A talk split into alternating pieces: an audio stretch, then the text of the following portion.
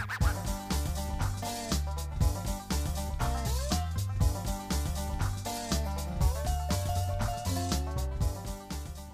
dostlar. Bu maraqlı söhbətlər podkast kanalıdır. Sizə bu gün podkastı yazan Əhmədiyədir. Kanalımızın əsas məqsədi faydalı məlumatları sizə maraqlı şəkildə çatdırmaqdır. Podkastları maksimum qısa edirik ki, onlardan bezməyəsiniz və işə gedib gələrkən onlara qulaq asa biləsiniz. Fikir verdinizsə, podkastları yazmaqda biz biraz ara vermişdik. Bu gün yenidən qayıtdıq eyni tempdə podkastları yazmağa. Bizə dəstək olmaq istəyirsinizsə, podkastın təsvirində olan linkdən keçid edib bizə rəy yaza bilərsiniz. Hər biri bizim üçün çox əhəmilidir. Bugünkü mövzumuz arqumentasiyanın 8 cığalcı texnikasıdır. Heç sizdə belə olub ki, söhbətdə düz düzsüz, amma necəsə həmişə elə olur ki, söhbətin sonunda səhv çıxırsınız. Və yaxud bir dənə tanışınız var. Nə söhbət olur olsun, söhbətin sonunda o həmişə düz çıxır. Siz isə səhv. Belə insanlar bəziləri bilə-bilə, bəziləri isə instinktiv olaraq arqumentasiyanın cığalçı texnikalarını effektiv istifadə etdiklərinə görə çox vaxt özlərini düz çıxarda bilirlər. Belə insanların qurbanı olmamaq üçün bu gün arqumentasiyanın 8 cığalçı texnikası haqqında podkast hazırladıq. Kimlənsə səliqəli mübahisə aparmaq istəyirsinizsə, ilk növbədə arqumentasiyanın sadə strukturunu bilməlisiniz. Arqument Argumentasiya 4 hissədən ibarətdir. 1. Tezis 2. Arqument 3. Sübut və 4. Nümunə 1. Tezis. Tezis irəli sürmək istədiyiniz fikirlərin bir cümlə ilə ifadəsidir. 2. Arqument. Arqument sadə dildə desək, tezisi sübut etmək üçün ifadələrdir. 3. Sübut. Arqumenti sübut etmək üçün faktlardır. 4. Nümunə. Nümunə isə elə nümunədir. Onu istifadə etməkdə əsas məqsəd arqumentlərinizi bərkitməkdir. Gəlin indi bunları misalda istifadə edək. Siqaret çəkmək insan sağlamlığına ziyanlıdır. Bu sizin tezisinizdir. Burada bir cümlə ilə fikrinizi izah etdiniz. İndi keçək arqumentə. Siqaret xərçəngə səbəb olur. Bu sizin arqumentiniz. Tədqiqatlar gündə bir paçka siqaret çəkən insanların 45%-də 50 yaşa kimi xərçəng xəstəliyi tutma ehtimalının yüksək olmasını göstərir. Bu da arqumenti təsdiq edən sübut. Arqument Arqumentin sayını 1 və ya 1-dən çox edə bilərsiniz. Bu tam olaraq sizdən asılıdır. Onu qeyd edim ki, bir neçə arqument gətirməyiniz qarşınızdakı insanı inandırmaq üçün faydalı ola bilər. Amma arqumentlərin sayını həddindən artıq çox etsəz, onu bezdirə bilərsiniz. Burada ortanı tutmağa çalışın. Arqumentdən sonra keçin nümunəyə. Nümunədə misal üçün deyə bilərsiniz. Mənim bir qonşum var idi. 48 yaşında bildi ki, xərçəngi var. Sağalmaq üçün hələ də xərci çıxır. 55 yaşı var və siqaret çəkdiyinə görə hər gün peşmançılıq çəkir. Say olaraq nümunədə Nümunədə də bir neçəsini deyə bilərsiniz. Amma arqumentdə olduğu kimi ağını çıxartmayın. Kimləsə arqumentasiya edərkən mütləq onların istifadə elədiyi arqumentlərə fikir verin.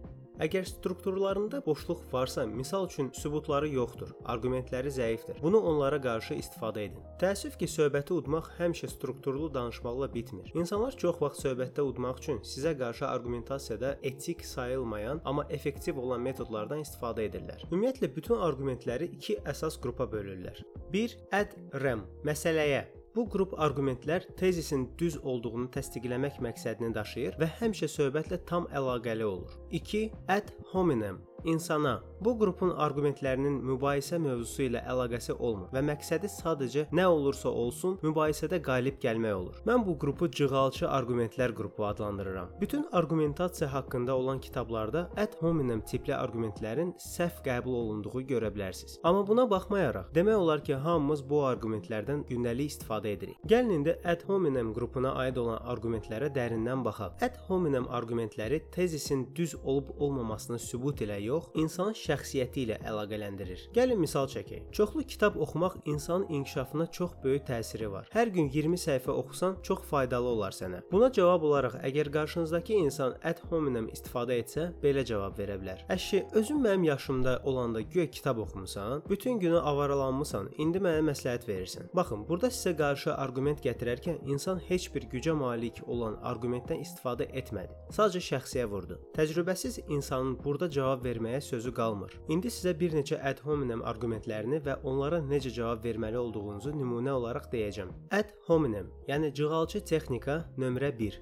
Birbaşa hücum Pis insan, pis arqument. Bu tip arqumentin məqsədi oponenti pis, yəni qabiliyyətsiz, etibarsız, təcrübəsiz çıxarmaqdır. Qısaca oponent pisdir. Ona görə siz, yəni auditoriya, onun arqumentlərinə qulaq asmamalısınız. Bu tip arqumentlər korrekt sayılmadığına görə çox vaxt konfliktə gətirir. Misallara baxaq. Pasportunu dəyişə bilməyən insanla mübahisə etmək mənasızdır. Və ya şəhərdə itən bir nəfərin memarlıq haqqında nə fikri ola bilər ki? Və ya bunun geyiminə bax da, belə pis gündə geyimi olan insan nə ağıllı fikri ola bilər ki? Belə arqumentlərə qarşı nə edə bilərik? Ən birinci arqumentin məntiqli analizini etməlisiniz. Fərz edək ki, büdcə planını təqdim edirsiniz və bu zaman sizə bir nəfər deyir: "Ay millət, ona nə qulaq asırsınız? Onun gələn il üçün hazırladığı büdcə planına güvənmək olmaz. O heç Excel-də işləməyi bacarmır. Gəlin bu arqumentə məntiq mövqeyindən baxaq. Excel biliyi büdcə proqnozlaşdırma bacarığına necə təsir göstərir? Şirkətdə büdcə planlamasını etmək üçün mütləq bu proqramı bilmək lazımdır. Bilməsən heç cürə planlama etmək olmur. Əlbəttə ki, yox. Kontrargument zamanı opponentin arqumentlərinin heç bir məntiqi əsasının olmamasını göstərsəz, effektiv şəkildə arqumentdə qalib olacaqsınız. Cığalçı texnika nömrə 2. Sözlərin reallıqla uyğunsuzluğu. Məsəl üçün, ata oğluna deyir ki: "Ay oğul, siqaret çəkmək çox ziyanlı vərdişdir. Heç bir halda siqaret çəkmə, yoxsa gələcəkdə bu ciddi xəstəliklərə gətirəcək." Bu texnikanı oğul istifadə etsə, belə deyə bilər: Özü siqaret çəkən insan məni necə öyrədə bilər ki, mən siqareti atım? Burada cığalçı oğul fokus olub atasının şəxsiyyətinə, şəxsiyyəti ilə dediyi söz arasında olan uyğunsuzluğa. Cavab olaraq ata ilk növbədə bu uyğunsuzluğu başa salmalıdır ki, sözü oğluna çatdıra bilsin. Burada ata ilk öncə oğlunun düz olduğunu qəbul edə bilər ki, həqiqətən də qıraqdan özü siqaret çəkən insanın belə məsləhət verməsi qəribə görsənə bilər. Amma biraz dərindən düşünsək, məhz elə buna görə ata bu məsləhəti verə bilər bilər. Çünki cavanlıq vaxtlarından 20 il ərzində siqaret çəkdiyinə görə indi çox böyük asılılığı yaranıb və bu da öz növbəsində ciddi xəstəliklərə səbəb olur. Və əgər 20 il əvvəl siqareti atsaydı, bu qədər ciddi asılılığı bəlkə də olmazdı. Cığalçı texnika nömrə 3. Onunla mübahisə mənasızdır. Üçüncü texnikanın əsas məqsədi opponentin diskussiya aparmaq bacarığını olmamasını, dar düşüncəli olmasını və kompromisə gedə bilməməsini göstərməkdir. Məsəl üçün, Əşi bu insanla nə sporlaşırıq? E? Onsuz da mənasızdır, ancaq öz bildiyini deyir. Mübahisəni xoşlayır və digər fikirlərə qulaq asmır. Kompromisə getmir. Bu texnikanı insanlar çox vaxt əllərində fakt və ya güclü arqument olmadığına görə edirlər. Belə insanları ilk öncə inandırmalısınız ki, sizin məqsədiniz düz çıxmaq deyil, sadəcə həqiqəti tapmaqdır. Alınmırsa, heç narahat olmadan boş buraxın. Çox vaxt belə insanlar öz egosundan keçə bilmədiklərinə görə konstruktiv müzakirəni davam etmək istəmirlər. İstəmirlərsə, mən sadəcə həqiqəti tapmaq istəyirdim. Sənə maraqlı deyilsə boş verək bunu, deyib boş verin. Cığalçı texnika nömrə 4. Niyə əsəbisiz? Bu texnika şəxsin emosionallığına yönəlir. Söhbətin qızğın gedən yerində deyirlər. Niyə əsəbisən? Niyə gözlərini qaşıyırsan? Deyirlər ki, söhbət edərkən bir insan gözünü qaşıyırsa, deməli yalan danışır. Sən yalan danışırsan ki, əsəbləşmə, əllərin əsir.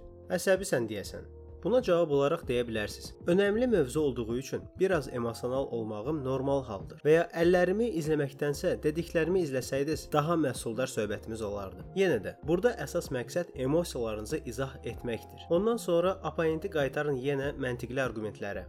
Cığalçı texnika nömrə 5. Siz axı savadlı insansınız. Bu texnika sizin egonuzu nişan alır. Təsəvvür edin, söhbət gedir və opponent öz arqumentini belə deyir. Axı siz ali təhsilli, savadlı, nə qədər kitab oxumuş adamsınız. Necə belə şeylərlə razı ola bilərsiniz? Və ya siz kimi belə savadlı insan məncə bu məsələdə mənimlə razı olacaq. Bu texnika ilə elə bil opponentin eqosunu qaldırıb boynuna nəsə qoyursunuz. Cığalçı texnika olsa da qeyd edim ki, çox effektiv arqumentasiya texnikasıdır. Opponentiniz debatçı deyilsə, böyük ehtimal bu işləyəcək. Cığalçı texnika nömrə 6. Bilmirsənsə demək ki, səhvsən. Bu tip arqumentlər opponentin mövzu haqqında bilik çatışmamazlığına fokuslanır. Bu texnikanı istifadə edən opponenti bilmədiyi və ya bu dəqiqə yoxlaya bilmədiyi faktları gətirir. Bir çox insan bu faktları bilmədiyinə, utandığına və ya çəkindiyinə görə demir və sadəcə arqumentlə razı olur. Düşünürlər ki, bilmədiklərini desələr, hamı onları savadsız biləcək. Məsəl üçün qızğın söhbət gedir və opponentiniz sizə deyir: "Bildiyiniz kimi müdriklər deyib, Dulce et decorum est pro patria mori. Ona görə də sənin arqumentlərindən razı ola bilmərəm. Latın sözlərinin nə qədər məşhur olsa da, hamımız yadda saxlamaq məcburiyyətində deyilik. Burada sözün mənasını soruşmaq heç də ayıb deyil. Sakit dursaz, opponentiniz bəlkə də mənasız latın cümlələrini istifadə edib sizi udacaq. Heç vaxt unutmayın, bilməmək ayıb deyil, bilməyib öyrənməmək ayıbdır. Cığalçı texnika nömrə 7. Mənə yazığın gəlsin.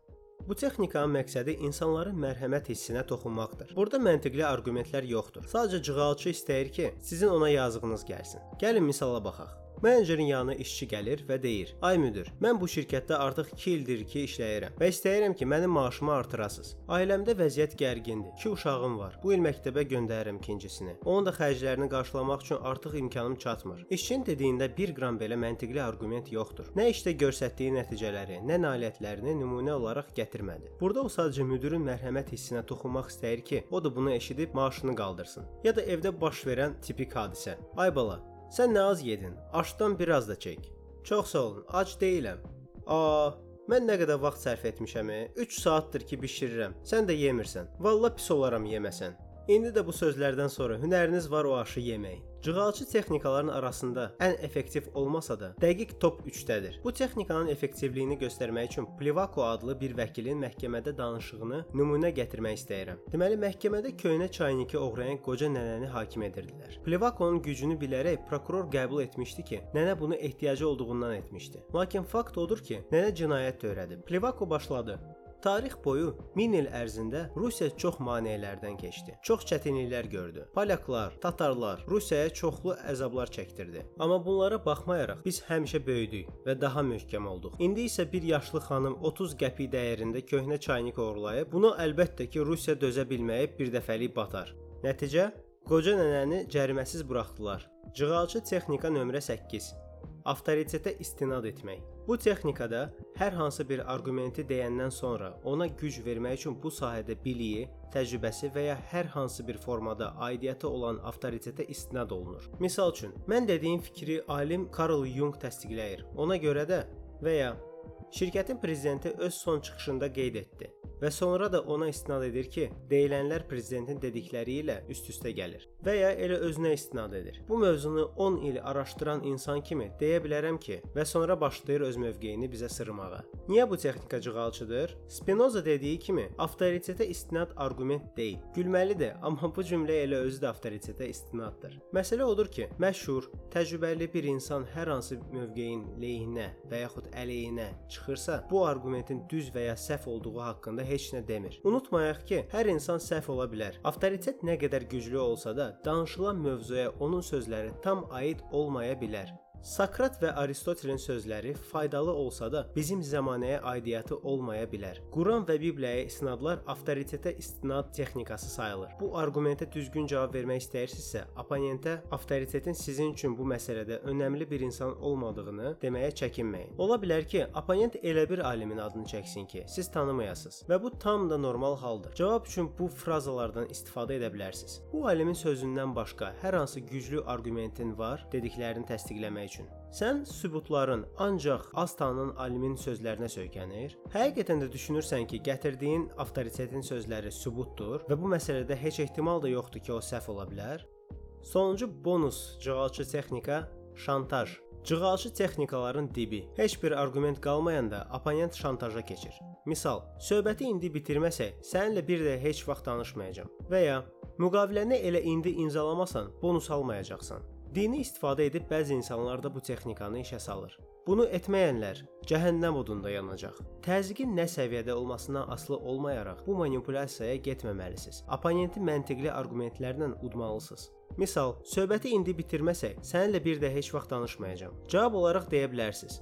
Müzakirəni onun üçün aparıram ki, həqiqəti tapım. Adi müzakirəyə görə, yəni sən mənimlə bir də heç vaxt danışmamağı düşünürsən, Belə dostlar, bu arqumentasiyanın 8 cığalçı texnikası podkastı idi. Qeyd edim ki, bəzən onlara necə düzgün, konstruktiv cavab verməyimizdən asılı olmayaraq, oponentimiz yenə də sözümüzü qəbul etmir və şüvənliyinə salır. Belə insanlardan yaxşı olar ki, uzaq durasınız və söhbəti dayandırıb bu cümləni deyəsiz. Mənim səninlə söhbətimin əsas məqsədi həqiqəti tapmaqdır. Əgər məntiqli arqumentlərin, sözlərin varsa, de sakitcə müzakirə edək. Yoxdursa və ya sakit söhbəti apara bilmirsənsə, elə burada söhbəti bağlayaq. Bu sözlərinizdən sonra yenə şüvənlik salsa, deyin sadəcə. Yaxşı, sən deyəndir. Sən düzsən, mən səhvəm. Söhbəti bağlayaq. Heç vaxt unutmayın ki, arqumentasiyanın məqsədi həqiqətə çatmaqdır. Bu məqsədə çatmaq üçün iki tərəf də egosundan keçib müzakirə etməlidir ki, bu məqsədə çata bilsin. Əgər qarşınızdakı insan sadəcə özünü düz çıxarmaq istəyirsə, onu boş buraxın. Belə insanla söhbət heç nəyə gətirməyəcək. Belə dostlar, güman edirəm ki, podkast maraqlı oldu. Oldusa, kanala rəy yazmağı və podkastı dostlarınızla paylaşmağı unutmayın. Hər rəy və paylaşımınız bizim üçün əlavə motivasiyadır. Hər birinizə uğurlar. Növbəti podkastlarda görüşənədək.